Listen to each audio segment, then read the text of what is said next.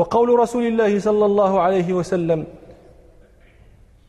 اشتكت النار إلى ربها وقالت يا رب أكل بعضي بعضا. اختلف العلماء في تفسير هذه الشكوى.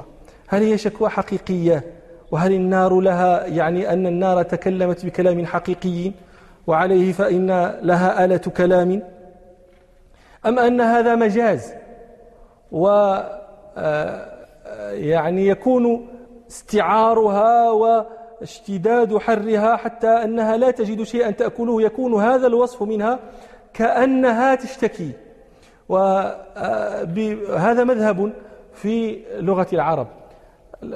الذين يقولون إن هذا القول مجاز وليس حقيقة يقولون إن هذا مهيع معروف في لغة العرب. العرب ينسبون الكلام إلى ما لا يتأتى منه الكلام. لأن حاله يدل على مقاله. لو تأتى منه الكلام فتكلم لقال ذلك الكلام الذي نسب إليه. وهذا قلت لكم مذهب معروف في عند العرب. قال عنترة في معلقته ما زلت أرميهم بثغرة نحره ولبانه حتى تسربل بالدم فزور من وقع القنا بلبانه وشكى إلي بعبرة وتحمحم عنترة في ساحة الوغى ويصف تلك الساحة يقول في حومة الموت التي لا تشتكي غمراتها الأبطال غير تغمغم يرمي الأعداء بثغرة نحر جواده وبلبان جواده. ثغرة النحر هي تلك الوقبة التي تكون في أعلى النحر ولبان الجواد صدره يرمي أعداءه بجواده فيصيب جواده رماح أعدائه.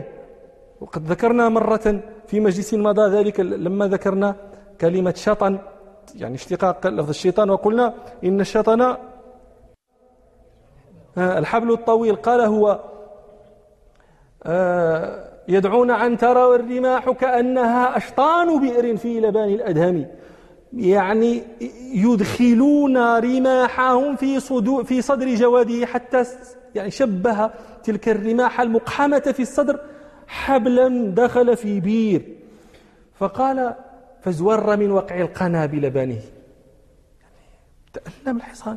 وبدأ يزور يميل ينحرف عن تلك الرماح المشرعة إليه. فزور من وقع القنا بلبانه وشكى إلي بعبرة وتحمحم وليس ثمة شكوى. واستدلوا على ذلك أيضا بقول القائل شكا إلي جملي طول السرى صبرا جميلا فكلانا مبتلى وليس ثمة شكوى. واستدلوا أيضا بقول القائل وهي كل هذه كلها من شوائد الألفية. آه، امتلأ الحوض وقال قطني مهلا رويدا قد ملأت بطني. والحوض لا يشتكي وإنما تلك كل ذلك كله لسان حال يدل على كلام لو تكلم الحوض وتأتى منه الكلام. ويستدلون على ذلك أيضا بقول القائل إذا كلمتني بالعيون الفواتر رددت عليها بالدموع البوادر. ويستدلون أيضا بقول آه، القائل هذا قصة يذكرنا أن عدي بن زيد العبادي هذا الشعراء في الجاهلية وكان من آه، ندام النعمان بن المنذر الملك العربي المشهور وكان معا في نزهة فأناخوا بجانب شجرة. فقال عدي بن زيد العبادي للنعمان بن المنذر أتدري ما تقول هذه الشجرة أيها الملك؟ قال وما تقول؟ قال تقول رب ركب قد أناخوا حولنا يشربون الخمر بالماء الزلال. عمروا الدهر بعيش حسن قطعوا دهرهم غير عجال عصف الدهر بهم فانقرضوا وكذاك الدهر حالا بعد حال.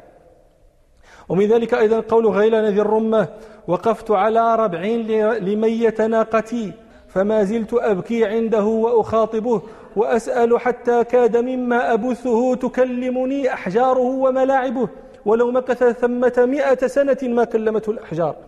بل إنهم كانوا يستنطقون الأربع والدمن والأطلال وهذا مشهور في كلامهم منه فقط في المعلقات مثلا قوله عن تراه في معلقته آه، هل غادر الشعراء من متردم أم هل عرفت الدار بعد توهم؟ أعياك رسم الدار لم يتكلم حتى تكلم بال ب حتى تكلم كالأصم الأعجم يا دار مية بالجواء تكلمي وعمي صباحا دار عبلة أسلم يا دار مية تكلمي ويقول النابغة الذبياني. يا دار من يتى بالعلياء فالسندي أقوت وطال عليها سالف الأمد وقفت فيها أصيلانا أسائلها عيت جوابا وما بالربع من أحد. ويقول لبيد آه، فوقفت أسألها وكيف سؤالنا صما خوالد ما يبين كلامها. إلى يعني وأمثال هذا كثيرة في كلام المتقدمين والمتأخرين. لهذا قال ابن جني رحمه الله في كتابه الخصائص وهذا كله اتساع في القول. هذا كله مما ذكرت لكم نسبة قول إلى ما لا يتأتى منه القول لأن لسان حاله دل على كلامه لو تكلم. ومن الطريف ال الذي وقفت عليه في هذا الباب آه، ما سماه يعني ابن فارس رحمه الله في كتابه الصاحبي سمى هذا الباب باب الوهم والإيهام التوهم والإيهام. كأنه يتوهم أنها تكلمه تكلمه ويوهم غيره أنها تكلمه. الشيخ أبو بكر بن زهر الأندلسي الإشبيلي المراكشي كان طبيبا أديبا شاعرا وعاصر الدولة دولة المرابطين ودولة الموحدين. وهذا كان آه، شاعرا له فيه ظرف وقعت له قصة من من هذا الباب الذي نحن فيه. هو آه، وقف يوما أمام المرآة فنظر في المرآة فرأى نفسه كبير رأى شيبا ظهر آه، قول ابن دريد في مقصورته إما ترى رأسي حاك لونه طرة صبح تحت أذيال الدجى. قالوا هذا أحسن ما مدح به الشيب. إن كان الشيب يمدح. فقال هو نظر فرأى شيبا ورأى شيخوخة فشرع يخاطب المرأة. يقول يعني من هذا؟ من أنت؟ وأين الذي كنت أراه هنا؟ أين ذلك الشاب الذي كنت أراه هنا؟ قال فأجابته المرأة لأنه سألها. قالت استجهلته. يعني إيش هذا السؤال هذا؟ وقالت له هذا كان كان ذاك وهذا أيضا بعده أتى وهذا أيضا سيذهب. يعني لا لا, لا عليك هون عليك فهذا لن يبقى كما أن ذاك لم يبقى. ثم يقول كان الغواني الغواني جمع غانية والغانية هي المرأة التي استغنت بجمالها عن الزينة. لم تحتج أن تضع زينة تجملها فهي مستغنية بجمالها. تقول العرب الغانية هؤلاء الجميلات كنا يقولن له يا أخي فصرنا يقولن, يقولن له يا أبه يقول هو إني نظرت إلى المرآة إذ جليت فأنكرت مقلتاي كلما رأتا. رأيت فيها شيخا لست أعرفه وكنت أعرف فيها قبل ذاك فتى. فقلت أين الذي مثواه كان هنا؟ متى ترحل عن هذا المكان متى؟ فاستجهلتني وقالت لي وما نطقت قد كان ذاك وهذا بعد ذاك أتى. هون عليك فهذا لا بقاء له. ألا ترى العشب يفنى بعدما نبتا؟ قد كان الغواني يقولن يا أخي فقد صار الغواني يقولن اليوم يا أبتا. فعلى هذا المذهب يكون الاشتكاء والقول وهذه المحاورة يكون ذلك كله مجازا. ولذلك قال القاضي البيضاوي رحمه الله شكوى النار مجاز عن غليانها وأكل بعضها بعضا مجاز عن ازدحام أجزائها وتنفسها مجاز عن خروج ما يبرز منها. وقال طائفة من العلماء بل كلام النار على حقيقته.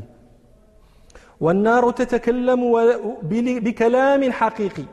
واستدلوا على ذلك بقول ربنا سبحانه يوم يقول لجهنم هل امتلأت وتقول هم من مزيد. وقالوا إن ربنا سبحانه ينطق يوم القيامة ما لم يكن ينطق في الدنيا. بدليل قوله سبحانه ويوم نحشر أعداء الله إلى النار فهم يوزعون حتى إذا ما جاءوها شهد عليهم سمعهم وأبصارهم وجلودهم بما كانوا يعملون. وقالوا لجلودهم لم شهدتم علينا؟ قالوا أنطقنا الله الذي أنطق كل شيء وهو, وهو خلقكم أول مرة وإليه ترجع وما كنتم تستترون أن يشهد عليكم سمعكم ولا أبصاركم ولا جلودكم ولكن ظننتم أن الله لا يعلم كثيرا مما تعملون وقال ربنا سبحانه يوم تشهد عليهم ألسنتهم وأيديهم وأرجلهم بما كانوا يعملون بل قد حصل بعد ذلك في الدنيا وقد أنطق الله ما لا يعده الناس من الناطقين فقد قال ربنا سبحانه وحشر لسليمان جنوده من الجن والإنس والطير فهم يوزعون حتى إذا أتوا على وادي النمل قالت نملة يا أيها النمل ادخلوا مساكنكم لا يحطمنكم سليمان وجنوده وهم لا يشعرون. فتبسم ضاحكا من قولها. وقال ربنا سبحانه ثم استوى إلى السماء وهي دخان فقال لها وللأرض ائتيا طوعا أو كرها. قالتا أتينا طائعين. وقال ربنا سبحانه يا جبال أوبي معه والطير والتأويب التسبيح إلى أمثال لهذه كثيرة في القرآن العظيم. وهذا القول هو الأظهر وأن الكلام على حقيقته وإن كان الوجه الأول له نظر له حظ من النظر أيضا. ولذلك قال ابن عبد البر رحمه الله لكلا الوجهين لكلا القولين وجه ونظائر.